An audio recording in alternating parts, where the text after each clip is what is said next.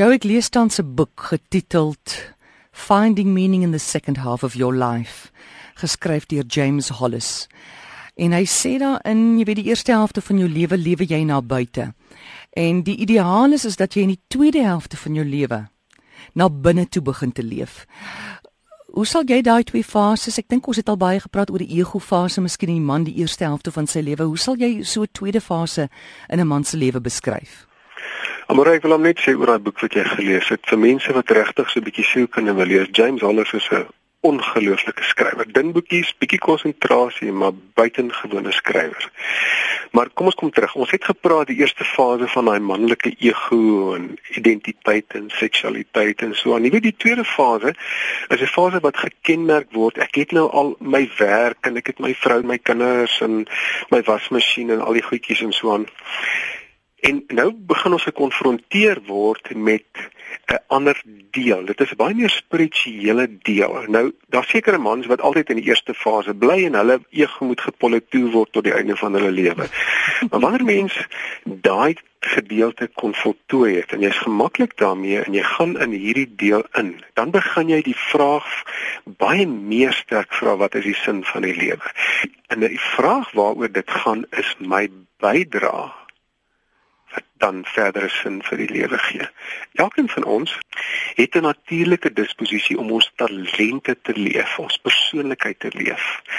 In hierdie fase begin daai ding kern raak, want wat ons kry as ek daai persoonlikheid, daai talent wat ek gekry het, wat so uniek is, as ek hom leef, dan dra ek outomaties by tot die samelewing. Dis 'n wonderlike ding. Dit maak nie saak wat die beroep is nie, maak nie saak wat daai natuurlike disposisie is. As jy kom leef en jy het op 'n ander geleentheid eendag ook gepraat oor passie. As ek daai ding leef, dan is my bydra outomaties tot voordeel van die kwaliteit van die samelewing. Die ander kant gesien, as ek nie in daai spirituele koneksie ingaan nie, dan is daar 'n leegheid. Daar's 'n daar's 'n spasie wat ek voel wat nie gevul kan word nie. En mense vul daai spasie met allerlei goed, jy weet, allerlei tes en ons kan baie lank gesprekke hê oor wat is 'n te, maar enigiets wat te is wat dan uiteindelik my weghou van myself af. Nie tevrede ja. te perd is goed met te. dis veel te maar reg, ja. Ja, enige van daai tes. Te veel kos te min kos, jy weet, te veel dit te veel te min van dat. Mm. So daai weet dit gaan oor balans, né? Dit gaan oor balans.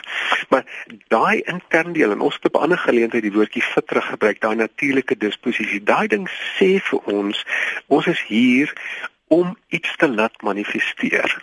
Mm. En daai manifestering, as ek by daai plek kom dat ek daai ding kan laat leef. Dit is veronderstel om so te wees. Dit is die beste antidepressant wat daar is is om jou talent volledig te kan uitleef. Nie omdat iemand anders sê jy moet nie, omdat jy daai ding volg wat hier binne gebeur wat vir jou so druk in rigtings in. En die beste manier om by daai plek uit te kom is om in stilte in te gaan, né? Om in stilte te gaan en te konnekteer met daai deel en seker te maak wat dit is wat my lewe is. Nou, weet sekere mense slaan die jackpot redelik vroeg en hulle begin al van vroeg in hulle lewe af leef hulle daai ding.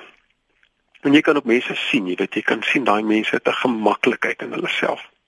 Hulle is tevrede met hulle lewe. Ongelukkig in, in ons samelewing is daar so gejaag dat ons daai ding so mis. Maar die tweede helfte van 'n man se lewe baie meer introspektief, baie meer bydraend uiteindelik, baie meer spiritueel. Nou ek gebruik die woord spiritueel met respek teen die verskillende mense se denominasies en elkeen moet maar inpas hoe dit vir hulle werk. Baie mense dink altyd, wat is die doel van my lewe? Wat is die betekenis van my lewe? Ek meen, kyk waarvan hou jy, né? Dit is ja, ja. gewoonlik iets waarin jy goed is, waarin jy talentvol is. Jy sien wat belangrik is daarin en en jy sê dit met sulke mooi woorde dat jy gee terug dit wat jy gegee is om te gee. Mm. Men dit is net weet as jy as jy eintlik dink jy weet vir my as jy na iemand kyk en daai persoon is vir jou aantreklik en mooi en die woord sexy, beautiful, dan is dit iemand wat daai ding doen. Daai passie leef want hulle straal daai ding uit. En wat ek ook gevind het is 'n mens het energie, né? Jy het baie energie as jy dit doen wat jy bedoel is om te doen. Dis dis soos 'n bron wat onuitputlik is. Jy weet as ons dit nie leef nie. Die Hebreëus het 'n vreeslike mooi woordjie misraim wat beteken jy leef in 'n beperktheid, amper so 'n tronkwêreld, 'n ingegrafeerde gewoonte tronkwêreld. En wat hierdie ding doen, as jy hierdie ding leef, hierdie passie, dan is dit 'n vryheid. En daai ding, daai energie is amper onuitputlik dit hou net aan. Hoe meer jy daai ding doen hoe meer gaan die lewe sinkronisties vir jou die geleentheid gee om dit nog meer uit te leef. Jy moet net die besluit neem om dit te doen. So gesels Dr Joe Steenkamp, kliniese sielkundige van Pretoria en jy kan hom kontak by ship soos 'n skip. org.za ship.org.za